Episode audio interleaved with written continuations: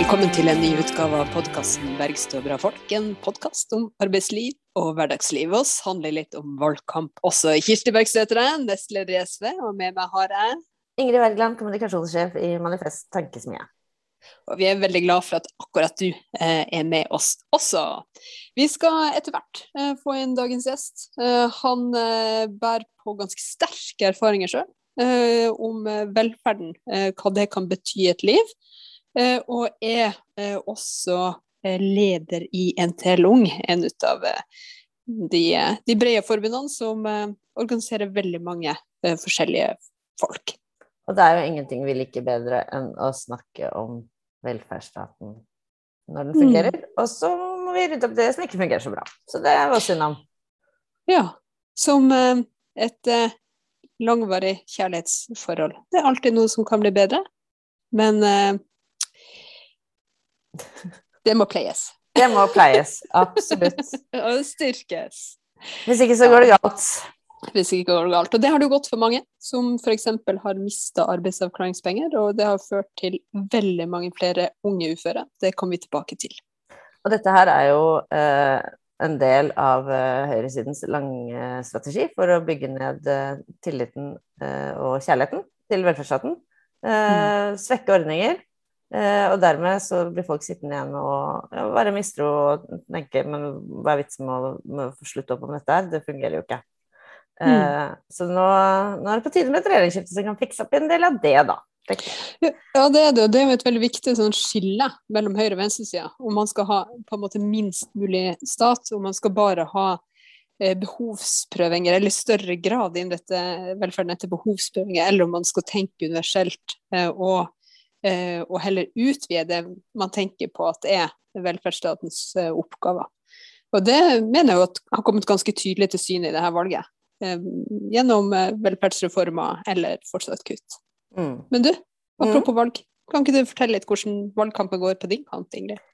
Altså På min kant så er det jo uh, særlig tre aktiviteter som har preget uh, de siste ukene. Det er, uh, det er stand, mm. hvor vi står på stand, deler ut flere, diskuterer med velgere. og det er morgenaksjoner som er litt mer sånn kjapp-kjapp. Dele ut løpsedler folk på vei til jobb, hvor folk liksom Først, ja, det har jeg snakket om i forrige episode også, men likevel. Ja, men jeg syns det er så hyggelig. Folk, folk er glad i papir. Folk liker ja. å lese litt. Folk liker å, jeg tror folk liksom klarner sitt sinn ved å legge bort mobilen, lese noen kloke ord på papir. Og så er det denne ringesentralen som vi har i, i SV, hvor vi ringer folk og, og hører med dem om de har tenkt å stemme, og i så fall om, om SV er et parti de vurderer. Og da er det jo veldig hyggelig. at det er, det er, jo veldig mange som svarer ja på det. Og så er det mm. noen ganger folk har dårlig tid, så sier de nei, du har ikke tid til å snakke med deg, men du, jeg har stemt jeg, og jeg har stemt SV, så, så, det, så det, det, er greit. Nå kan du bruke tiden på noen andre. Og da er det så hyggelig å si til dem sånn Men, men du, du, kan ikke du bruke litt tid på dine venner hvis du har noen som er litt tvilende? Og så er de sånn Ja, ja, ja, men du, det, det, gjør jeg. Det gjør jeg. Det har jeg gjort allerede. Så det, nei, det er på saken, så Jeg har en, jeg har en samboer her som jeg snakker med. Det er noen sånne veldig hyggelige det er trivelig. Ja, det er ja. veldig gøy. Det er så gøy at det liksom At velgerne der ute, som ikke engang altså, er medlemmer Noen ganger så jeg ber dem jo gjerne om å melde seg inn i partiet også, men, men altså helt eh, Ja, folk som ikke er medlemmer engang, liksom gjør valgkampjobben for partiet. Det syns jeg er Da føler jeg at da har vi, da har vi liksom nådd, nådd ordentlig fram. Ja, og da kjenner jo folk hva som står på spill. Eh, når man tenker at eh, nå må jeg bare gjøre mitt eh, for å engasjere enda flere og, få folk til å stemme og stemme for en ny politisk kurs. Og, jeg tror at det er det som driver folk nå. Jeg møter jo en helt utrolig energi når jeg er ute i lagene og på arrangementer på, på steder rundt omkring. Folk virkelig står på morgen, middag, kveld. For å få på plass et, et skifte. Men mm. det var to, var det ikke det? Eh, altså, nei, men, nei, nei jeg, og, ja, jeg gjorde et skille på ja, morgenaksjon og Ja, for det det. Fordi jeg lurte på en ting der. Er det sånn at du liksom liker like blid, opplagt og imøtekommende eh, på morgenen? Halv åtte om morgenen? Ja. Som halv åtte om kvelden? Mm. Ja Jo da, men det, det, det, er det, altså. Og det som er hyggelig med å stå på morgenaksjon eh, Eh, er jo at eh, da er det jo, da er det jo ofte også at det er liksom folk jeg kjenner som kommer forbi, for dette er jo mitt nærmiljø. ikke sant? Så det er jo foreldre til eh, unge på skolen eller ja, gammel kollega, eller Ja, det er sant. Da blir man jo Så er det, så er det også veldig hyggelig sånn Ja, ja, Ingrid, du står her, du! Annethvert år! Jeg bare sånn, ja da. Alltid når det er valgkamp, så står du her. Jeg bare ja da, ja da. Så det er jo blitt et slags fast innslag. Så det er jo tydelig at eh, jeg har et stabilt parti, mine venner har stabile jobber og faste rutiner på når de drar til den. I hvert fall noen av dem, da. Men jeg har også testa Ringesentralen. Har ikke, jeg har så mye debatter om kveldene, så jeg har, jeg har ikke fått vært der så ofte. Men jeg har vært der sammen med mitt eget lokallag i Nittedal, og Niklas fra Frogn, som har vært en av de virkelig store heltene. Som har ringt. Han har jeg hengt mye med på ringesentralen. Åh, Absolutt. godt selskap. Ja. mm. Ja, Hvordan syns du det var å ringe, da? Du, det var litt blanda, jeg skal innrømme det. For særlig når noen bare legger på eller uh, Mm. lurer på um, Tror du ikke jeg vet hvordan jeg skal stemme, liksom? Ja, Men ja da har man jo noen veldig, veldig gode Mm. samtaler, og blant annet ei som spurte sånn Ja, hva er det som er viktig for deg ved det her valget? Og sånn sånn. Nei, jeg visste ikke helt. SFO. Og da var det jo veldig fint å kunne si Du, det er SV også opptatt av. Vi vil ha gratis SFO, sånn at alle ungene kan være med på leken. Og det var veldig viktig for henne, eh, fordi der var det ikke mye å rute med. Eh, Og det føler man jo ofte går utover ungene. Mm. Mm. Så det er noen veldig fine opplevelser med det. Ja. så, så er det jo mye debatter, da. Eh, Det er jo, og, og aktivitet og uh, forskjellige ting. Jeg hadde jo en, en, en debatt jeg var på um, her forrige uke, der eh, jeg tenkte man må av og til pynte seg litt, ikke sant? Og, prøve å, å, å være litt eh, ja, sånn fin og ordentlig. Og, eh, og sånn. Det var kveldsdebatt på pub. Um, så hadde jeg på kjole. Og så kom jeg, kom jeg hjem sent på kveld, eh, på tide å få kjolen av. Og så oppdaga jeg at den er feil vei. ja. Da hadde du utringningen på ryggen, da, eller hvordan så det ut? Ja, det var kanskje ikke utprega utringa der. Hadde, jeg hadde kanskje ikke tenkt Du over det, men- veldig flate pupper, fordi det var litt, der skulle ryggen være, liksom. Nei, det syns jeg var veldig artig. Så da er det jo bare å konstatere at både kjoler og politikk er best når man velger riktig side. Mm. Ram-dam. Og nå skulle vi hatt sånn jingle. Ding. Hvem trenger jingle når man har det? Og så må jeg bare fortelle eh, at det var en debatt eh, her, eh, her for litt siden, da. og den, der begynte det å koke. Oi. Ja, det tok helt av. Eh, fordi det er jo eh, særlig ett tema som eh, eh, er altfor lite oppe i de her debattene som man fyker rundt og deltar i, og det er jo arbeidsliv. Altså, jeg har vært mye hos fagbevegelsen, vært på politisk streik for å avvikle bemanningsbransjen og deltatt eh, liksom, mye på arbeidslivsfronten der. Men i de herrene, dem som arrangeres av lokale medier, bibliotek og som er rundt omkring i Akershus, så er det veldig altfor lite arbeidsliv som diskuteres. Mm. Eh, og det er jo til tross for at veldig mange står i fare for å miste jobben permanent hvis ikke permitteringsendringer, eh, regelverket endres. Kriser, eller krisetiltakene må vare så lenge krisa varer. Eh, og også fordi at eh, det er jo eh, utrolig mange kvinnfolk som blir avspist med deltidsstillinger. Det har vi jo snakka mye om denne poden. Og fordi det har jo vært angrep på arbeidslivet, trygt og organisert arbeidsliv, systematisk fra denne regjeringa. Så på denne debatten da, så, så sier jeg det. Så sier jeg at vi er nødt til å, gjøre noe med løsarbeidersamfunnet. Med at bemanningsbransjen har fått spist seg inn i arbeidslivet. Ved at fast ansatte erstattes av innleid arbeidskraft. Og at derfor så vil vi faktisk eh, avvikle bemanningsbransjen, sånn at folk kan ha hele, faste jobber. Uh, og at vi må ha slutt på den eh, bruk-og-kast-mentaliteten i arbeidslivet. Og da begynner det faktisk nesten å ryke av høyrefolka. Ja. For det var det verste angrepet den noen gang hadde hørt. Og eh, sånt eh, ville ikke eh, folk høre. Da måtte jeg jo bare svare at eh, selv om ikke folk vil høre det, eh, så må man jo si det når det er sant. Eh, og jeg kan forstå at noen tror at arbeidslivet er fint og flott hvis man kun har lånt sitt øre til NHO i åtte år. Så eh, var det jo eh, høyrefolk der som jobba i bemanningsbyrå. jeg kan jo avsløre at det var neppe dem som er rundt omkring og ikke vet hvor du skal vaske gulv den dagen. Eh, men det er klart at noen forholder seg til det temaet som bare de, den egentlig lille delen av eh, innleieselskap eller bemanningsbyrå som er knytta til NHO, som er organisert på arbeidsgiversida, eh, og ikke de svære problemene som er med såkalte produksjonsbedrifter som driver egentlig bare med innleie. Eh, og også de utenlandske innleieselskapene, bemanningsbyråene. Så eh, svært tema eh, som treffer ganske ømme høyretær. Men kanskje vi skal sende dem noen lenker til de episodene vi har hatt om bemanningsbransjen, for at de bare skal få litt sånn reality check? Du, det kunne vært noe. og jeg husker det en, en, altså det er interessant det du sier at de blir så utrolig sinte. Jeg husker en, en mm. debatt som gjorde veldig inntrykk på meg, det er mange mange år siden nå. Uh, det er kanskje La oss si kanskje det var så mye som tolv år siden eller sånn. Uh, så, eller kanskje enda mer. 13-14-15. Uh, det var en av de første debattene den første debatten jeg så Ali Esbati Jeg tror kanskje det var like etter krigen! Men det var, eh, det var, en debatt som var på Fafo, som handlet om, om østutvidelsen og innleie Det er ikke sikkert alle vet det. Ja, Fafo er sånn uh, forskningsinstitutt som er eid av LO, men som gjør mye oppdrag i sånn arbeidslivsforskning da, for både departementer og fagbevegelsen osv. Um, og de hadde en debatt um, som var da i regi av det som het Fafo Østforum, som var sånn samarbeid mellom faktisk NHO og LO og sånn, for å liksom ja, møte den nye arbeidsinnvandringen og sånn. Og da handlet det først om hva lønningene var i, i Polen. Uh, for det, på den tiden var det mye polakker. Eh, nå kommer de jo fra litt flere steder, men det var uh, mest av det da. Uh, og det var jo beskrivelser av lønninger som var nede på sånn 49 kroner og sånn.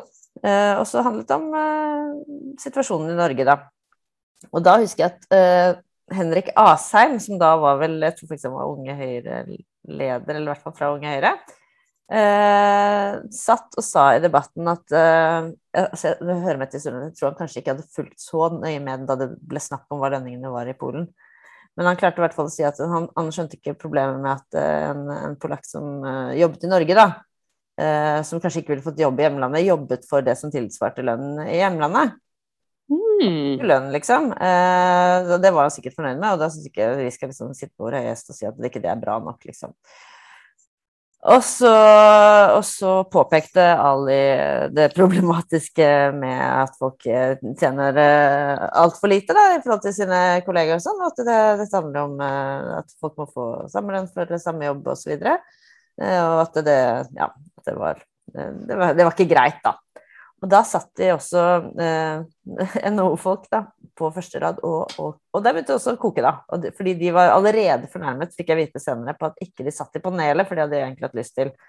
Så da var de rasende og tok ordet eh, ved liksom første anledning, da det ble åpnet fra salen, og så sa de sånn dere, altså dere snakker jo om oss som om vi er, som om vi er onde! Det var, og det var, det var det faktisk ingen som hadde sagt i panelet. Det var ingen som hadde brukt det ordet. Og da husker jeg at Ali sa uh, så betimelig, da uh, altså behøver, Er Ali Espati, det her? Altså? Ali Espati, ja, Ali Espati som satt i panelet, som var da uh, Det er som samfunnsdebattant, da, men han var jo da tidligere da kjent som Eh, SVs søsterparti Venstre-politiker, Venstrepartiets politiker, da sa han um, man behøver ikke å snakke om ondskap uh, og dra inn det bare fordi man påpeker at det er interesseforskjeller i samfunnet. Og det var veldig gøy. Um, så det, det, ja, det smalt veldig i lokalet da. Det var gøy. Jeg fikk satt dem på plass. Men de NHO-folka var rasende, og jeg tror faktisk de meldte seg ut av dette Østforumet etterpå. Det var ikke masse drama. vi for hard konfrontasjon med ja. livets realiteter. Ja. Mm. Men det var en uh, gammel anekdote. Men uh, ingenting er forandret seg, da. Det var akkurat litt sånn eh, som ja. det var i denne debatten òg. Plutselig ble jeg tillagt for å ha sagt en hel del ting som jeg ikke mente sjøl at jeg hadde påpekt. Det er litt sånn som velferdsprofitørene, ikke sant. Når de bare begynner å, å eh, påstå en hel del ville ting eh, fordi man kritiserer konseptet profitt i velferd. Men du Kirsti, du og jeg vi er jo mhm. opptatt av uh, mange av de samme tingene. Og blir engasjert på hver kant. Denne uka som har gått, så har jo både du og jeg vært i eh, offentlig disputt med KrF og Olaug Bollestad. Ja, det er sant. Ja. Begge deler handlet om, eh, om hvem som har best familiepolitikk. Og både du og jeg er faktisk enige om at er SVs familiepolitikk er bedre enn KrF sin. Surprise! Ja, du, det er sant. Du har jo skrevet et helt eh, glitrende innlegg til avisa Vårt Land om sekstimersdagen, eh, som jeg for så vidt anbefaler alle å lese. Vi kan legge ut eh, lenke eh, på våre Facebook-sider til, til den og vi dele posten. Ja, det måtte jeg jo bare skrive, fordi Bollestad hadde jo et utspill som handlet om at, eh, at eh, kvinner på, på venstresiden eh, sendte så stygge blikk og sånn fordi folk var, eh, likte å være sammen med familien sin. Og, og hvis folk har lyst til å være sammen med familien sin, så må, må de da stå skolerett. Fordi de blir shamet av Mm. venstresidens kvinner, som hun, som hun sa. Eh, og, så, og så problematiserte jeg det med at eh, hennes, hennes eh, individualiserte løsning på, på, på tidsklemma og, og det krysspresset folk står i mellom arbeidsliv og hverdagsliv, det er eh, Hennes løsning er jo bare at eh, ja, kvinner rett og slett går ned i stilling og tjener mindre penger og kommer dårligere ut med pensjon og alt det fører med seg, heller enn å ha en kollektiv løsning, nemlig sekstimersdag for alle, som alle vil Mm. nyte godt av, enten de er småbarnsforeldre, eller kanskje har gamle foreldre, eller er midt i livet og har, eh, har lyst til å bruke mer tid på andre ting enn å jobbe. Ehm, ja, så det var, det var, det var fint, å, fint å få svart, svart på det. Eh, men eh, men du, du hadde, var jo litt i samme galei, men da var det mye, mer om, mer om Mm. kontantstøtta som dere snakket om, eller? Ja, du var jo på det her programmet Helgemorgen eh, på NRK, som er sånn TV og radio i ett, på en måte. Som Der møtte jeg også Bollestad for å snakke om Det er jo selvfølgelig kontantstøtte hun vil snakke om, men det er jo familiepolitikk. Og der jeg synes det eh, For det første så kjenner jo ikke jeg meg igjen at venstresida driver og liksom shamer noen som vil være hjemme. Eh, eller fordømmer noen for at de ammer lenge, eller den type ting. Altså, jeg syns det blir litt sånn stråmenn som bygges opp. Uh, Sjøl sa jeg jo til ungen din sa få en sup da, mamma! Og skjønt at nei, men nå er det på tide å rulle inn den puppen. men, men jeg jeg erfarer jo ikke at det er liksom noe man på venstresida eh, sier. Altså, det er jo nettopp av kjærlighet til livet, familielivet, eh, de tingene som betyr mer enn å produsere. eh, At vi kjemper for sekstimersdagen. Og jeg løfter jo selvfølgelig frem det i den debatten òg. At vi trenger jo et organisert arbeidsliv der vi kan leve litt, eh, litt mer, eh, og også forutsigbart. Fordi det er jo ekstremt lite familievennlig å f.eks. ha små stillinger der du ikke aner når du kan være med ungen din på, på fotballkamp og når du må på jobb, eller det evige presset på utvida arbeidstider og for så vidt også søndagsåpne butikker og den type ting. da. Um, og så er det jo sånn at SV og KrF skiller jo lag i synet på kontantstøtta. Um, fordi at ja, det handler jo i stor grad om vi skal legge opp til å betale for å ikke bruke barnehage eller, eller ikke. Så, eh, så må vi ha en, en fordelingspolitikk som sørger for at de som i dag mottar kontantstøtte, ikke ender opp med for dårligere råd totalt. Jeg skjønner ikke helt hvorfor ikke KrF klarer å se det grunnleggende behovet for kapitalismekritikk og den evige higen markedssystemet vårt har etter profitt, som gjør at folk må jobbe mer, de må jobbe fortere, eh, marginene må presses, og at det fører til at folk får dårligere liv. Hvorfor, Mm. hvorfor, altså, hvorfor kan de ikke bry seg om liksom, kooperativer, foreninger, eh, gode, gode vilkår som ikke setter profitten i høy, høysetet? Det hadde vært bra for både Guds natur, kloden vår, menneske, menneskets hjerter og, og sjel. Bare tips. Hvis de, men jeg skal ikke hjelpe deg med årsberggrensa, men Nei, men eh, vi er jo ulike partier da, og har forskjellige, forskjellige veivalg for å løse, løse de utfordringene man ser. Og jeg har nå valgt å organisere, organisere meg et sosialistparti nettopp av, av, av de tingene, eh, Ingrid. Men du, du må ikke vi glemme dagens gjest. Nei. Nå er det på, på tide, tide. Å, å, slippe til noen uh, andre enn oss selv. ja, selv om det er utrolig hyggelig å bare sitte og skravle, så eh, er det jo veldig eh, fint eh, også å kunne, eh, kunne introdusere eh, dagens gjest, Martin Kvalvik, som er leder i NTL Ung.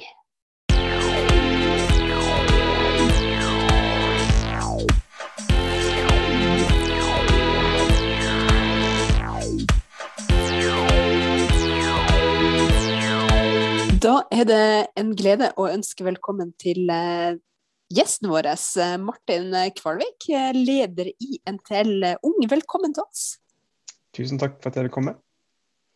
Du, Martin, kan ikke du starte med å fortelle oss hva NTL Ung er for noen ting? Kanskje også NTL, altså. Ja. ja. det ligger jo litt i spørsmålet, da. Ja, ja, ja. Greit. Det var så mye ung. Ja, det kan jeg gjøre. Altså, altså NTL står da for eh, Norsk tjenestemannslag. Veldig godt og moderne navn der. Eh, men eh, det er jo da og Vi er et LO-forbund, og vi organiserer veldig mange som jobber i statlige virksomheter. Og eh, organisasjoner som på en måte ikke er i staten heller, da, og som har statlig støtte på en måte. Som f.eks. Naturvernforbundet og Røde Kors og sånn. Og så har vi mange da, ansatte i i alle statlige etater. Altså det gjelder departementer, direktorater, eh, veldig mange Nav altså, og skatteetaten. Men også Forsvaret og politiet og sånn. Så eh, Vi sier at vi er på en måte byråkratforbundet, men vi har jo også veldig mange. Vi har også renholdere og vi har professorer på universitetet. og vi har, ja, Det er veldig, der, der vår medlemsmasse er. da. Eh, og så er jo da NTL Ung er jo da et eh, et ekstra tilbud for, for unge medlemmer da, i NTL som er da under 35 år eller er studenter. Og Formålet vårt er på en måte å aktivisere og organisere flere unge medlemmer til fagbevegelsen. Så, det, så da har vi egne kurs og konferanser for unge, og så, og så, jobber vi da med å prøve å få flere medlemmer også. Eh, ja, det er kort fortalt. Så en del unge er på en måte liksom ungdomssatsinga for, for, å rett og slett rekruttere alle under 35? Ja. Men er man likevel medlemmer av NTL eh, sånn som alle andre, men, men får det her ekstra tilbudet med å være med på deres samlinger og aktivitet og skolering? Ja, og det er godt du tar opp det, for det, er noe vi, noe vi, får veldig mange spørsmål om. Fordi man tror på en måte man er medlem av NTL Ung og ikke NTL, eller, ikke sant? men man er medlem av NTL. Og så er det som, som, du sier, da, det er et ekstra tilbud og på en, måte en satsing internt i NTL for unge medlemmer. da. Kan jeg fortelle hva jeg syns er så fint med NTL? Gjerne det. Nei, altså det er fordi jeg syns NTL eh, du, du, nevnte jo litt nå ikke sant, hvem dere organiserer. og eh, Et veldig fint eksempel på Um, jeg syns NTL kan bli sånn, på en måte bilde av LO i stort, da, nettopp fordi dere organiserer så utrolig mange forskjellige folk. Og hva er det som er så fint når veldig mange forskjellige folk samles og likevel opplever at de har en felles kamp? Jo, da blir vi sterkere. Og der eh, har jeg et veldig sånn, fint eksempel, fordi jeg hadde en venninne av meg som var eh, stipendiat på sosiologi, altså hun er jo da på den aller høyeste utdanningen som man kan ta i dette landet, eh, nemlig å skrive doktorgrad i, i sosiologi faktisk et av de flotteste fagene også, hvis jeg kan si det selv. Uh, hun uh, er selvfølgelig et godt NTL-medlem, da. Uh, og så opplevde hun at renholderen på, på, jobben hennes, altså på Universitetet i Oslo, der sto man i fare for at man skulle konkurranseutsette renholdet.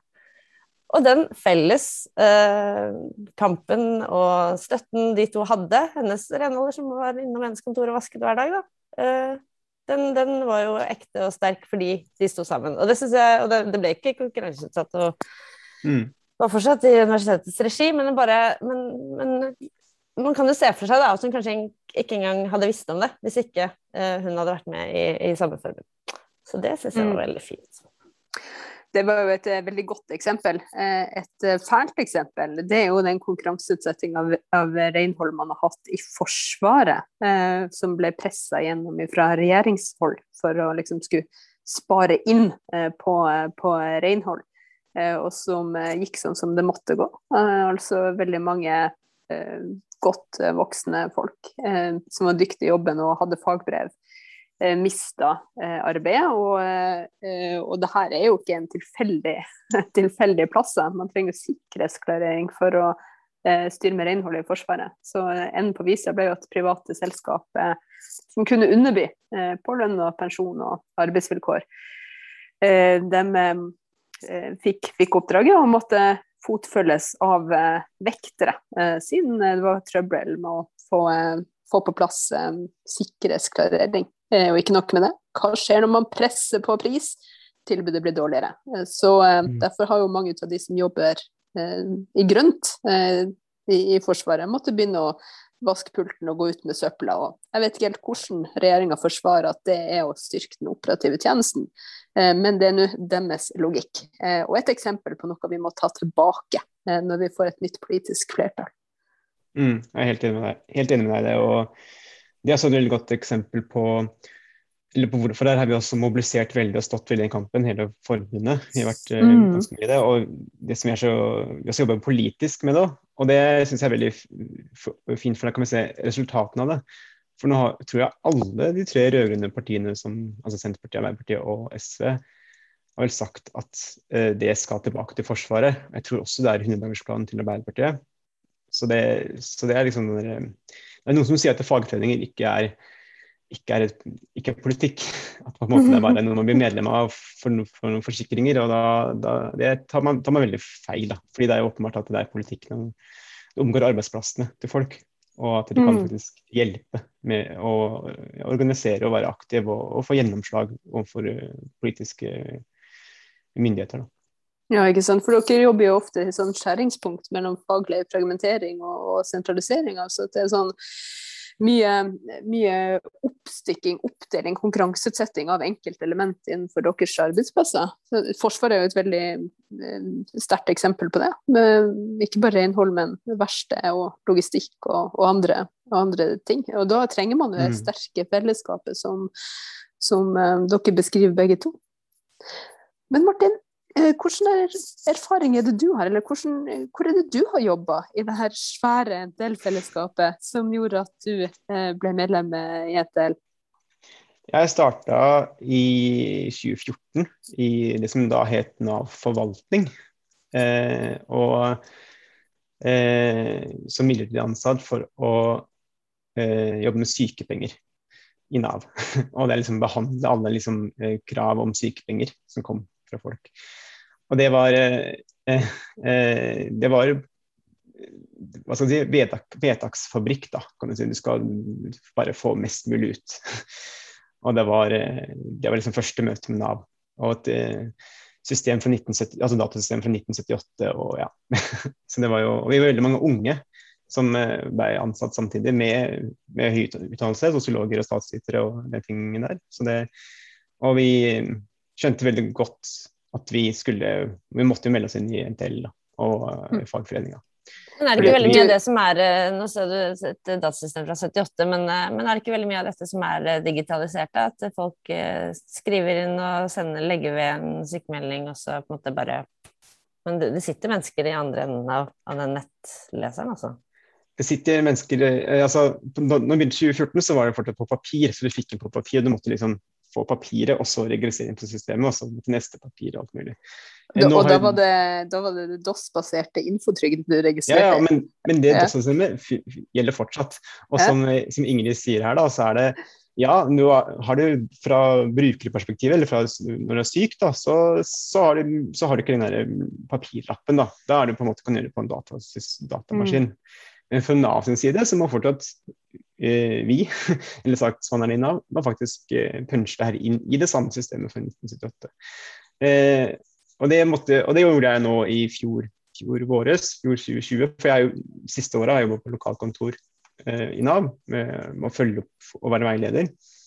Men da kom jo selvfølgelig pandemien, og da var jeg, jo, var en, av de, en av de som måtte da eh, flyttes tilbake til det jeg gjorde først i Nav, og punche disse sykepengene i det DOS-baserte systemet. Men da, på, mm. men da var det litt enklere, for da hadde ikke de papirene. Men du begynte som midlertidig ansatt?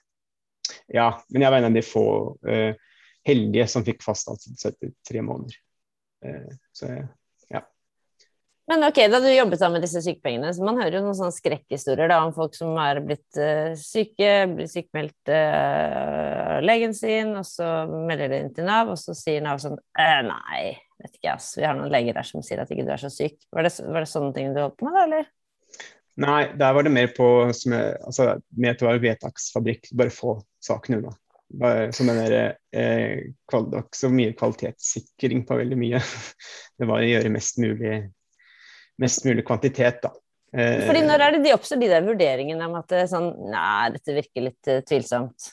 Her må vi ha en, en, en mm. lege til. Når, når, mm. når, kommer den vurderingen? Ja, Det er når legen selv bestrider sykemeldingen og melder fram det. Ja. Det, det, det synes jeg kan jeg også veldig lite om, og det er lenge siden jeg har det. Ja. men, men, du bruker ordet eh, fabrikk, eh, vedtaksfabrikk, Martin. Mm. Hva, er du, hva, er det du, legger i det? Nei, det, det, er det at man eh, har jo veldig mange saker, og man har jo veldig knappe ressurser, på en måte. Eh, så man må på en måte eh, Så man har mål, resultatstyring. Det skal gjøres så og så mye vedtak på så og så kort tid. Og da må man gjøre unna mest mulig saker. Eh, etter jeg jobber med sykepenger, så jobber jeg med, med, med, barnetrygd. Og da så det kanskje enda tydeligere på en måte at vi må få sakene ut. Og, og når det er fokuset fra ledelseshold er da kvantitet, så går det da utover kvaliteten. Og man kan få feil vedtak og de tingene der, da. Men barnetrygd er jo universelt. Det er jo ikke noe Hvorfor skal du gjøre noe med det? Eh, det er veldig mange som eh, Eller eh, du har barnetrygd for de som eh, på en måte kommer inn til Norge. Altså eh, Hvis du er i utlandet, så kan du ikke ta med barnetrygden ut. Så derfor må du da eh, søke for å få den inn. Altså Hvis du er innvandrer òg, så må du på en måte få barnetrygd eh, når du eh, kommer til Norge. Så de må jo søke. Og så hvis du skal utvide barnetrygd, altså hvis du er enslig, blitt enslig på en måte, så skal du også ha en dobbel barnetrygd som må saksbehandles. Og så har du hele opplegget med EØS, hvor da hvis du jobber Bor, altså hvis du jobber i Norge og mens har barn i Polen, så skal du på en måte ha en for norsk barnetrygd. Men nå, det må koordineres på et EØS-nivå. altså de må koordinere, og Polen økte sin barnetrygd veldig mye, så, det, så, da måtte vi finne ut av hvor mye som eventuelt var i rest fra Norge. Det var et veldig sånn komplisert system, veldig mye byråkrati knytta til akkurat det. Som kanskje ikke folk vet helt om, faktisk. Eh, og... Så det var greit med en mastergrad, ja? ja, ja, absolutt. Så det, det, og der er det også, når jeg jobba med barnetrygd, så var jo da den var på 970 kroner. Og det var, liksom, og det var litt under EØS, som jeg skjønte det. at det, Vi ville ikke, liksom ikke øke den, fordi da ville man bare eksportere enda mer. Eh, og liksom at det, eh, Norge ble Europas sosialkontor og opplegget der. Men nå siste året så har man jo eh, økt barnetrygden ganske massivt og gjort det veldig mye som eh, forskjellige endringer i barnetrygden, altså opp til seks år. ikke sant? Da, så, det, så, jeg tror det er mye vanskeligere med barnetrygd nå enn det var når jeg jobba og det var 970, uan, altså uansett til alle. Så ja. Fordi den er differensiert? Ja, når den er differensiert, mm. da, da, vil jeg tro det blir mer byråkrati til det. Mm.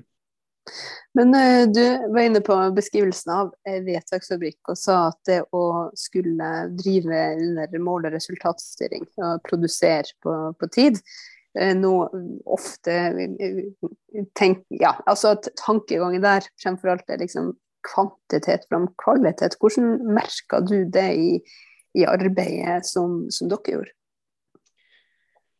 Det var jo Altså, det var eh, ledelsen som på en måte sa Altså, vi hadde jo sånn tavle på morgenmøtet og sa så mye saker har vi, så mye Det var ikke på individ, det var det heldigvis ikke, men det var liksom på så, så mye må gjøres. Men eh, de som på en måte ikke man kalte det å produsere. De som ikke produserte nok, eller man, ledelsen syntes det gikk litt sakte, så jo, fikk man besøk av leder og sa hei. Jeg ser det produseres litt lite i dag, kan du produsere litt mer? Eller kan, hva skjer? på en måte. Det er, det er, jo liksom... veldig forskjell på saker. Eh, det er jo ikke, det er ikke mm. liksom Det er ikke sånn én sak tar tre og et halvt minutt, check, check, check, liksom. Noen saker kan ta, ta en dag eller to. Altså, og det er liksom, Hvis man begynner å gå inn i en sak, altså, så kan du plutselig eh, ganske, finne ut ganske mye. og Det var jo faktisk, det var en sak jeg husker jeg gikk inn i da, som jeg oppdaga at det var utbetalt flere hundre tusen kroner feilutbetalt i flere. For det var sånn, det var, sånn, det var dobbel barnetrygd, og så var det noen foreldre der, og så var det oi, nest så var det meg, deg og dine barn. Og da hadde plutselig alle disse foreldrene hadde fått for mye dobbel barnetrygd, for de hadde fått nye, nye eh, partnerskap. Så da, så da sparte oss sam, sparte veldig mye samf for samfunnet der, altså. Men, eh, men hadde jeg liksom ikke gått inn i en sånn type sak, så ville man ikke sett den, den feilutbetalingen, da. Så det, mm. For det er ikke gitt at folk eh, husker å gi beskjed om det. At man Ja. eh, Mm. ved inngåelse av eh, nytt samboerskap og ny, Ja. ny familie må, må huske å si fra, til den eks, si fra seg den ekstra barnetrygda. Ja, Mm. det er helt riktig. og det, det er noe, Vi har noe kontrollfunksjoner på det, men ikke alt. så det man har, det har fortsatt et stor, eller tillitsbasert system på det. At man må si fra at man har fått en ny samboer. Eller fått en, Og det hørtes ut som en kjip smell å få, altså. Man har fått en Ja, ny, det- ny, ny samboer, stirra masse med flytting, masse Ja. kaos, og så bare går det noen måneder og bare OK, nå, nå er Ja. den nye sofaen her, vi er på plass, og bare Så får man Ja. liksom melding om betaling. Og det er jo, for ofte så er jo altså, Jeg husker at vi var veldig på at dette, dette må man skjønne, dette må man vite. Vi var veldig på det. Vi, men, men jeg, jeg tror egentlig ikke man tenker så mye over det, for det er så mye annet som skjer i livet, som du sier. Og det er eh, Ja, så det Men så er jo reglene også sånn at man skal ha bodd sammen over litt tid. Eh, så hvis at eh, tolv måneder. ja. Mm. Hvis man ikke Ja. får barn. Hvis, hvis man får til barn først, så gjelder det fra da fra barnets fødsel. Da. Nye, det nye barnet til med nye samboer. Ikke sant? Ja. Eh, og det er jo veldig viktig at folk som enslige forsørgere har litt ekstra barnetrygd, for det er jo skrekkelig Mm. dyrt eh, å være alene og, og skulle påkoste alt sjøl. Eh, så det Ja, er en veldig fin ordning. Mm. Det er en veldig fin ordning er Men det kan være vanskelig å huske på alle de papirene som skal følge med de fine ordningene. Ja. Men det er jo et eksempel Martin, på, på hvordan eh, det lønner seg egentlig for samfunnet at man har litt god tid og kan se ordentlig på sakene på samme måte som det er viktig for dem som er i andre enden, og som kanskje står i litt komplekse og sammensatte saker når det gjelder f.eks. Uh, sykepenger da, eh, Mm. og, og helsesituasjon. Eh, at saksbehandler har den tida til å, til å kunne gå inn i saken, og at ikke den må nederst i bunken fordi det tar lengre tid å produsere vedtak. Ja, det er det jeg håper egentlig, fordi det skjer veldig mye spennende i Nav på IT-systemer. Altså Nav er kjempeflinke på å utvikle nye IT-systemer. Og i IT-miljøet, som jeg har kjent, så har liksom å jobbe fast i Nav nå har fått en liksom Det er liksom positivt og litt, litt sånn stas, i motsetning til hva, motsetning til hva det var for noen år tilbake. Hvor alle vil jobbe som IT-konsulenter i et eksternt firma. Men, eh, men eh, så det, Ja, der har vel også Nav gjort noen endringer, at man rett og slett har skjønt at vi kan ikke bedre ved kjøpe Ja. IT-tjenester fra et annet Og- firma, som da vil sitte på all kompetansen hvis det skjer et Ja, eller ja. annet med det vi har, og som vil vi kjøpe enda Mm. mer. At man heller har gjort, gjør det in-house. Og Nav har fått veldig mange. IT-priser og litt sånn pga. det, og det, det er veldig lurt. Og, hvis da, og jeg er også veldig for at det blir veldig mange av disse enkle vedtakene. For det er ganske mange enkle vedtak i Nav. F.eks. hvis det er noen som innvandrer nå og skal ha barnetrygd etter det, det, hvor det har oppholdstillatelse fra da. Kjempeenkelt. Det er sånne som, som det er bare å kjøre ut. Sånn, å få de sakene sånn automatisert, at de på en måte ikke må innom en saksbehandler, det hadde vært eh, veldig bra. Da, da, men da blir de snakker om det, da hva man skal gjøre med den der ressurssituasjonen som da blir det ekstra. Skal man da kutte, eller skal man på en måte gi det tilbake til gi bedre tjenester? Ikke sant? At man kanskje da får litt mer, de saksbehandlerne som er igjen, får litt mer tid og litt mer eh, ro rundt de sakene som, som er litt mer krevende. Som gir bedre kvalitet. Eh, eller at man også kanskje da overfører litt mer til lokalkontorene, sånn at eh, man får bedre veiledning og oppfølging av de som trenger å bruke Nav-systemet der. da. Så det, så det er en viktig diskusjon som kommer til å komme, som er allerede nå, og som kommer til å skje framover. For dette er jo Mm, ting vi har snakket om eh, tidligere i podkasten her også. Altså, altså, det er rett og slett en mulighet til å ja, gå på et Nav-kontor, få hjelp, snakke med folk. Eh, det er jo eh, En ting er rent sånn språklig, om man ikke har så gode norskkunnskaper, men så vet vi jo også at det finnes jo veldig mange mennesker med, med, med, med lav digital kompetanse, som det heter. Eller sånn ikke er så god eller vant til å bruke internett eller datamaskiner. da. Mm. Og, og, som, og mange som ja, strever med å orientere seg i skjemaer. Altså, ja. Nei, det er, det, er, det er jo mange som kan trenge en hånd å holde i. Altså, jeg skal ikke begynne å snakke om meg selv, jeg, jeg skal bestille bank-ID eller greiene på mobil, liksom. Altså, det, det er liksom, Jo, men du er inne på noe det ja, men du, er inne på noe helt vesentlig. at Man må ikke på en måte være altså, ressurssvak for på en måte ikke i det Nav-systemet. For det er mange ressurssterke som sliter der også. Eh, jeg har en venninne av eh, kona mi som også på en måte skulle ha foreldrepenger. Og det var et problem. Og det, det har vært et skikkelig kjipt skjema, for å si det sånn. Mhm. Det var vanskelig for veldig mange. Og da ringte hun Nav og ville bare ha hjelp. Men bare, og hun bare da må du gå på Nav.no, fikk du beskjed om også på Nav.no. Da må du ringe Nav. Og så ble jeg liksom ført fram og tilbake og fikk omtrent ikke levert noe. Og du kan jo ikke møte opp på Nav-kontoret heller. Må jeg få hjelp til akkurat den biten der, for det gjør man ikke lenger. man, eh, mm. på Nav-kontorene. Så det er eh, ikke bra, akkurat den biten der. Det der er jo litt vanskelig at det som er velferden vår, og som, som skal være nært og tilgjengelig og mm. støtte oss når vi trenger det, at det, at det har litt så vanskelig for mange å få rett og slett kontakt med folk. Eller det er jo ikke vanskelig å komme gjennom på telefon, det er det jo ikke. Men det å kunne stille de oppfølgingsspørsmålene rundt samme skjema. Jeg var hos Pensjonistforbundet nylig, og de, eh, de driver jo på med sånn datakurs og forskjellige ting for, for sine medlemmer. Eh, men likevel så var det veldig stor, stor frustrasjon der eh, knytta til eh, at stadig mer blir digitalisert, og at veldig mange opplever at man blir Eh, parkert og, og, satt til side i eget liv, egentlig. Der hadde du mm. den der store saka for noen år tilbake også om, om slippen, eh, fordi at eh, mm. det ble bestemt fra regjeringshold at man, man bare skulle få pensjonsslippen digitalt, da, og ikke utbetalingsdokumentasjon i postkassa. Og da, da, var det jo mange som opplevde seg rett og slett sånn umyndiggjort, som opplevde at de ikke kunne følge med på, på sin egen økonomi. Og Derfor ble det et stort opprør på det. Og det, eh, og det, som er egentlig litt overraskende, litt interessant, for du nevnte med pensjonisten og litt sånn, og jeg, siste jobben jeg hadde før jeg ble NTLUNG-leder, og jeg har permisjon for den jobben da, jeg var ungdomsleder i Nav og jobba med mm. eh, arbeidsavklaringspenger for ungdom. Og man skulle jo tro at den digitaliseringa, at de tok den liksom sånn. Eh, det var motsatt. Det var de litt eldre i Nav som hadde vært i Nav-systemet litt lenger, som var mye bedre og mye mer klar for den digitale skiftet som bruker Nav, enn ungdommene. Eh, fordi de skjønte at ja, hvis Nav flytter seg dit, og jeg er avhengig av Nav, så går jeg til Nav, altså de eldre. Mens de unge som er helt nye for Nav eh, og Nav-systemet, og på en måte ja, ville jo ikke være en del av systemet. Så var jo det bare, jeg skal være, skjønte jo ikke det her med å gå inn på en aktivitetsplan på Nav.no, som man har. da. Så det måtte bruke mye tid på det med ungdommen. og ja, eh, det man, Litt overraskende, egentlig. da. Men, For den er ikke liksom sånn TikTok-aktig, den der aktivitetsplanen, eller? Er ikke, nei. Men den er, den er, den er jeg syns personlig den var veldig bra. Og når den, mm. den, når den kom, og det var enklere som veileder, ble den veldig enkel. Men du måtte jo få å bruke den nå. Det er det som hele poenget, var å bruke den. Og når de ikke da gjorde det på den måten som vi ville, så ga, ga det ikke noe mening. Men nå må du fortelle meg hva en aktivitetsplan er, for det vet jeg ikke.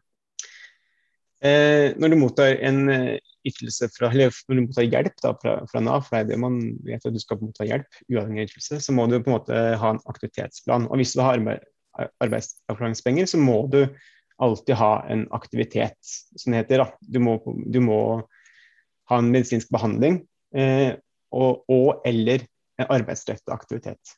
Altså, som, er et, som kan være et tiltak, altså at du skal på arbeidstrening, gå på noen kurs. Ta utdanning kan også være en del av det. Eh, eller prøve, prøve, å komme seg i jobb også, kan være en aktivitet. Eh, så den, så det, og det er da nå. Før så var det altså på papir, men nå er det bare på nav.no, hvor du må logge inn og der. Og så kan du ha en ganske sånn, sånn chat-funksjon med, med, veilederen din på, på aktivitetsplan. Og den, den, er, den er egentlig var veldig fin da, når du fikk mm. svar da, som veileder. Hvor lenge var en aktivitetsplan, da? Hvor lang, hvor lang går den, liksom? Den, den, er der hele tiden, helt til du på en måte er ferdig. Altså, man har et system da hvor man inaktiverer folk. altså hvor man faktisk trykker på en knapp 'inaktivere'. Og det er da hvis du da på en måte har kommet i arbeid eller blir uføretrygda, da, da skal du inaktiveres. Så fram til da så skal du på en måte ha en aktivitetsplan. Og du trenger hjelp fra Nav. Altså. Mm. Det, var et, eh, det, var et, veldig brutalt ord, syns jeg. det er et veldig brutalt ord. Men det, betyr jo forhåpentligvis at aktivitet i enden, andre enden, da. Ikke sant? Ja. ja. For noen så er det jo det. Mm, hvis det er kommet i jobb. Men, Men hvis, man, hvis man går ut i uførhet, mm, så høres det jo å ja, nå er du inaktivert og blitt ufør. Det høres jo Ja, for da har du ikke noe med Nav å gjøre, og det var på en måte er Og uføretrygd er altså den eneste eh, ikke-aktivitetsbaserte ikke ytelsen i Nav. Da er du også fri fra Nav, som man sier. Mm. Altså klamme hånd Samtidig som noen kanskje skulle ønske at de kunne være med på et tiltak eller en aktivitet, eh, det man uh, klarte, da, med, med bakgrunnen ja. for sin, sin uføretrygd. Mm. Det er et veldig godt poeng. fordi Spesielt for ungdom som jeg fulgte opp, da, så så vi veldig fort den der endringen på AAP-ordningen i 2018. Kan ikke du bare dra oss gjennom dem i tilfelle alle ikke har det helt klart for seg? Hva... Jeg kan prøve å ta det kort og enkelt, men det er litt teknisk òg. Men uh, når du fikk arbeidsavklaringspenger, så må du på en måte ha arbeid som mål. Det er liksom punkt én. Og du må minst arbeidsevne minst halvparten til hvert type yrke. Og så får du da arbeidsavklaringspenger. Så kunne du da ha den til i fire år. Og så kunne det utvides hvis du på en måte trengte fortsatt eh, en avklaring. Og, men i 2018 så endra de det fra fire til tre år, og man kunne bare forlenge to år til, og med noen helt klare bestemmelser på hva som gjorde at du kunne forlenge. det var den siste som egentlig hadde størst betydning. Fordi Før så kunne det liksom, var jeg som saksbehandler og veileder mente at her trenger vi å avklare mer. Så kunne vi gjøre det. Eh, men nå er det sånn du må noen helt spesifikke kriterier som på en måte nesten ingen har oppnådd, oppnådd da, eh, som får forlenga. Og da har du på en måte da bare tre år på å, på å avklare. Og fordi jeg fulgte opp, da hvis du f.eks. var 22 år og hadde ME, så, og du, behandlingen din altså, og tiltaket ditt er å ligge stille. Altså du skal, ha, du skal bare ikke gjøre noe helt til du blir bedre. Forhåpentligvis blir det bedre, og så ha sakte opptrening. Da vil jo ikke jeg klare å avklare, sånn, eh, eh, avklare de på tre år. Så da vil jo de da bli kasta ut av ordningen. Eventuelt at vi må da gi en uføretrygd til de som har krav på det, da, og, og noen leger mener, er, mener det er riktig. Men, eh, men, da har man da ikke aktivitet. Ikke sant? Så da er jo på en måte å fortelle ung person i 20-årene at, uh, som bare på en måte vil lykkes i livet, men som har på en måte en helsemessig utfordring og sier nei, nå, er du, nå skal du få uføretrygd, nå skal du inaktiveres i Nav, du har ikke noe aktivitet så er det veldig brutalt, altså. Det, er, eh, det, det kan virke sånn, og det som har provosert meg mest, er liksom at det kan virke som at eh, folk på høyresiden tror at folk vil det her. Altså, da, de er fornøyd med at de har avklart folk tidligere. Men det er jo ikke det. det er, de vil jo bare på en måte lykkes i livet, og en uføretrygd er for veldig mange det største nederlaget. Så det, ja. Hvordan, eh, hvordan, opplevde du de endringene i den jobben du hadde som For da var du ungdomsveileder, sant? Ja. Eh, hvordan, eh, hvordan helt sånn konkrete erfaringer eh, fikk, fikk du av, av den innstramminga på arbeidsavklaringspenger? For da er det jo både innstramming i tid, men også døra inn videre. Ja, det var jo det var vanskelig å få AP også. Det, det var, var, mye enklere å få AP før. Eh, men eh, Eh, erfaringen er at det er vanskelig å inkludere ungdom spesielt. Jeg, jeg, kan ikke si så mye om de mellom 30 og 67, fordi jeg fulgte for det meste opp ungdom under 30 år. Men for, de, for den gruppa så var det, det, var, det var på en måte et angrep på arbeidsinkluderinga. Og så klarer liksom politikerne da, å si at dette her gjør vi for vi skal inkludere flere. Det var veldig sånn provoserende når vi satt opp det på Nav-kontorene og liksom så det. Eh, og det at vi også så var det også veldig mange som ja, Noen da fikk jo uføretrygd fordi de eh, hadde krav på det. De hadde på en måte en diagnose som gjorde at det, det kunne skje, f.eks. autismespekter og, og, autisme og sånn, som gir ofte at det gir ofte hva skal jeg si, ja, en uføretrygd. Men de vet, har jo faktisk forskning på at fem av seks med autisme da, kan komme i i jobb, med, altså ordinær jobb med inntekt, hvis du har liksom de perfekte liksom premissene. Altså en arbeidsgiver og, som på en måte kan liksom legge til rette for at uh, man kan gjøre akkurat det man trenger å gjøre.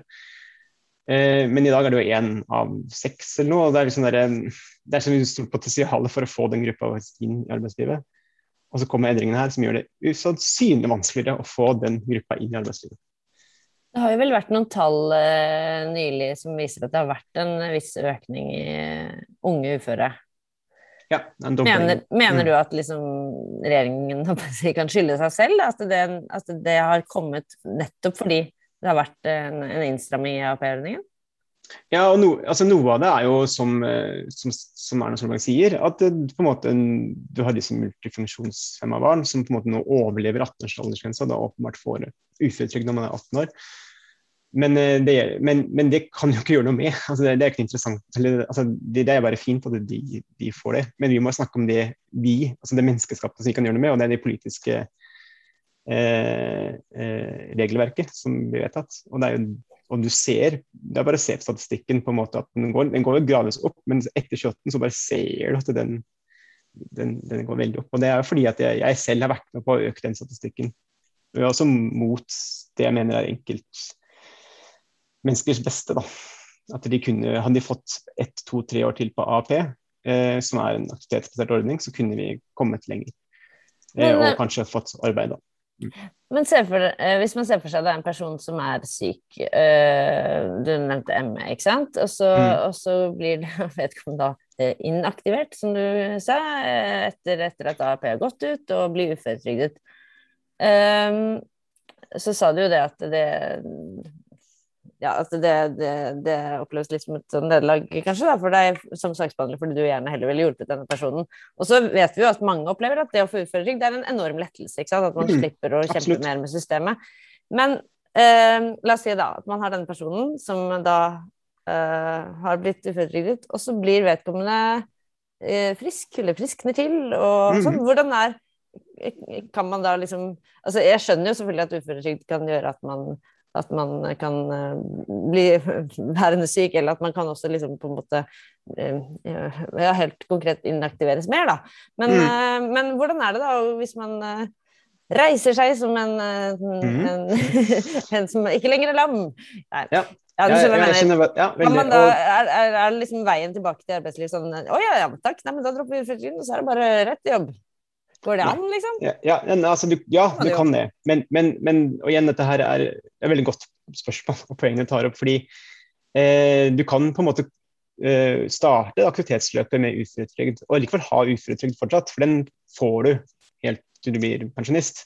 Eh, og eh, men da må du selv, altså du selv, må trappe opp på Nav-kontoret, gjerne fysisk, og si hei, jeg har uføretrygd, jeg, jeg, har lyst til å gjøre det her. Og det, jeg kjente det, altså. Det er flere som, at noen kom og sa de ville det. Eh, og, og, da har man hele verktøykassa hvor det er åpen for det. At vi kan sette i gang tiltak og alt mulig sånn.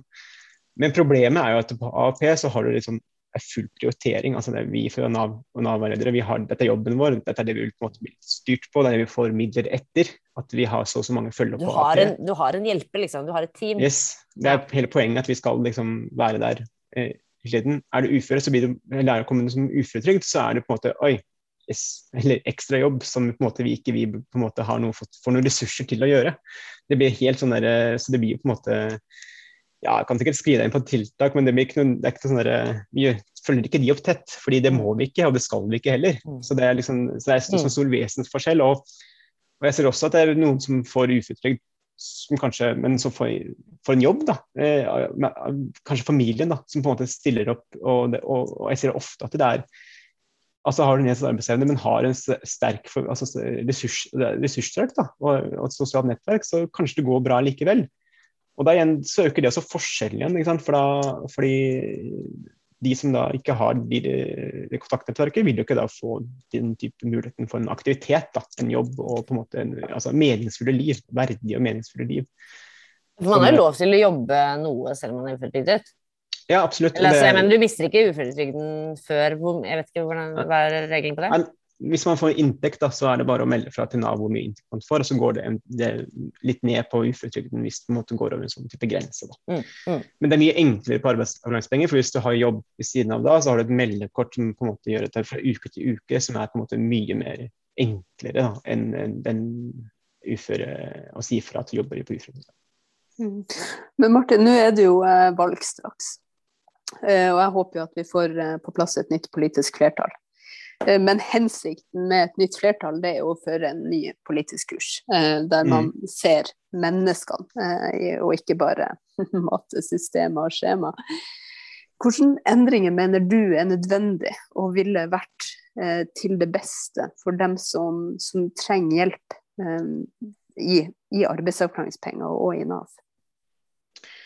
Eh, den største endring, altså Konkret på arbeidsavklaringspenger så er det det med å gjøre mulighet for veiledere og saksbehandlere til å kunne forlenge AAP der det er eh, nødvendig. Altså Der man ser at det, man, man vil ikke eh, vil avklare personen til uføre eller liksom kaste ut av ordningen, men å ha arbeidsavklaringspenger lenger. Eh, for, fordi det er eh, et håp om arbeid, eller at man kan på en måte komme bedre ut. Og det, altså Ordningen i seg selv har jo fått mye kjeft, men akkurat det her syns jeg er en god ordning. Da, fordi da, da, så da er det for et håp. Så, du må liksom la, så det er liksom det, eh, endre akkurat den spesifikke. Vi kan forlenge lenger hvis saksbehandler, altså veileder mener det er hensiktsmessig. er eh, kanskje det viktigste, viktigste for det. Og det er liksom Det jeg syns er det største problemet med, med kuttene, er på en måte eh, at det forrokker hva velferdsstaten skal være. Fordi eh, i Norge, så hvis du er syk eller er uheldig i livet og alt mulig, så blir du tatt vare på. Du skal liksom, eh, den tingen der. Men det er også en investering i folk.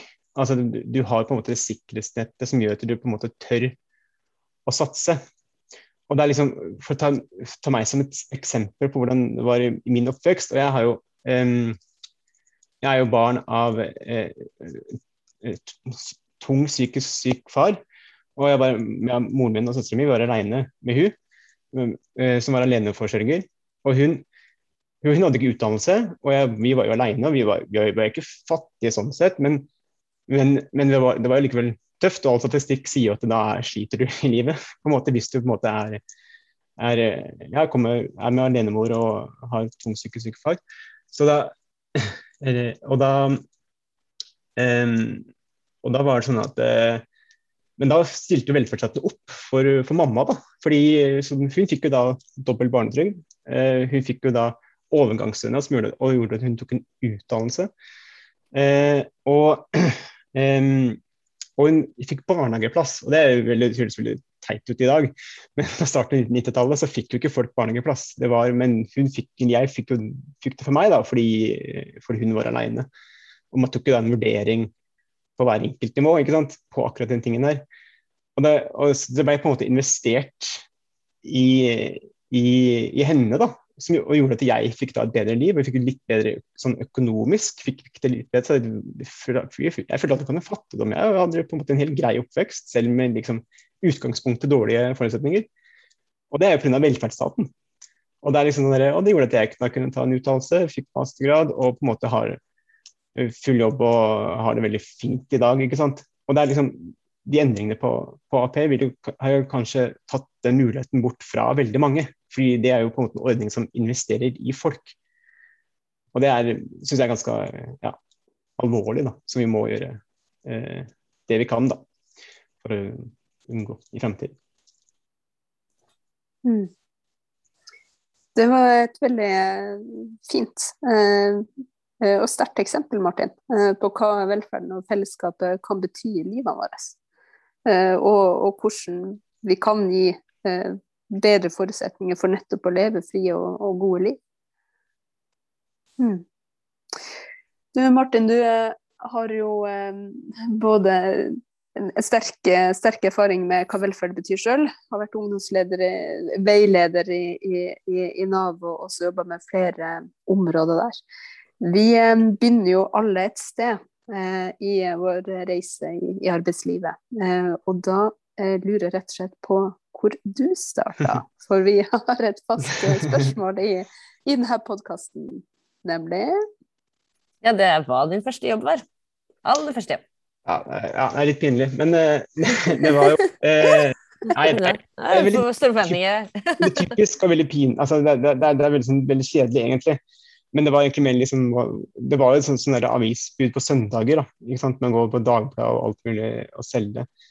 Og det var sånn jeg kom der og ja, var 13 år, og folk kom i sånn slåbrok og åpna døra. og var bare ganske sure for at jeg vekte de. så, du var litt tidlig ute, liksom? Ja, og så fikk Ja, var litt tidlig ute. og, så, og fikk jo luselønn. Ikke sant? Det var jo ikke noe, så jeg, så jeg ga jo opp etter tre ganger eller noe. Så det er sånn det var litt sånn ja, litt pinlig sånn at det ikke liksom sto i det, da. Men, eh, men ja. Nei, men man skal ikke finne seg dårlig betaling? Ja, Dette syns jeg er en hel historie om stolthet. Ja, ja, ja, det var kanskje litt med at det er, sånn, det er stor investering for meg å bruke de søndag tidlig opp på søndagene for å gjøre det her, og så får jeg veldig lite igjen for det.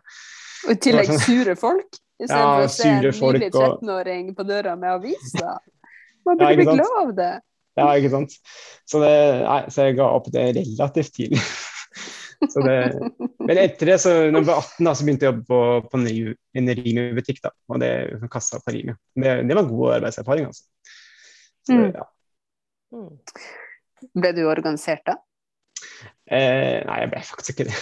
det og det er liksom eh, og det er veldig sånn der, litt, også litt pinlig også, men det er også sagt også i NTL-sammenheng, er at det, det har noe med å tilbake til det å være organisert. At det, det er ganske vanskelig å tenke når du er ung, da, å faktisk eh, gjøre det. Fordi du tenker de har, Mye pga. hvordan eh, samfunnet har vært de siste 40 åra med nyliberalisme at du, du, må jo, du må jo gjøre deg best for arbeidsgiver. altså Du må liksom se best ut for arbeidsgiver. Og da tenker du så strategisk, da. Og det er jo så mm. stygt at det er blitt sånn. At du, kan ikke organisere meg for deg ser på det som et problem. ikke sant? Så vil du bare Og da var jeg avhengig av å få flest mulig vakter når jeg jobbet på den limbutikken. Så var det sånn der, ja, da gjorde jeg ikke det, da. og um, det samme var i, var i eh, etter hvert også Jeg kart, jeg jobba i Kartverket også, som sakspaneler. Tidlig, tidlig ut som byråkrat var jeg. Eh, fordi Statens kartverk er i Hønefoss, og da jobba jeg der. Og da, Det var også det samme, også avhengig av vakter da, så da turte jeg heller ikke å bli med. Og så var det, det man ikke tørre. Og det, jo, og det opplever jeg veldig mange midlertidig som jeg snakker med, som jobber i Nav og andre steder, som ikke tør det. da, fordi ja, ikke var i arbeidsgivers ugunst. Da. Og det, sånn skal det ikke være i Norge, fordi vi er jo et land som er bra fordi vi har eh, mange som er i fagbevegelsen. Mm. Eh, så det syns jeg jo ikke bare var en veldig god eh, oppsummering av hva konkrete liksom, skeive maktforhold gjør med, mm. med livene våre og den kollektive krafta vi, vi, kan utgjøre når vi organiserer oss. Men også eh, et eh, sterkt vitnesbyrd om hvorfor vi trenger endring i arbeidslivet. Eh, med eh, et kjempeløft for hele og faste stillinger. Sånn at folk både våger å organisere seg, og høre om fagforeninga når man begynner i ny jobb. Martin, takk for at du var med oss. Du er fantastisk å prate med. Eh, så jeg håper alle dere som hører på, vil eh, dele Martins eh, kloke røst og fine erfaringer. Og ikke minst at dere stemmer frem mer velferd, sterkere fellesskap. Ha en riktig god dag, alle sammen.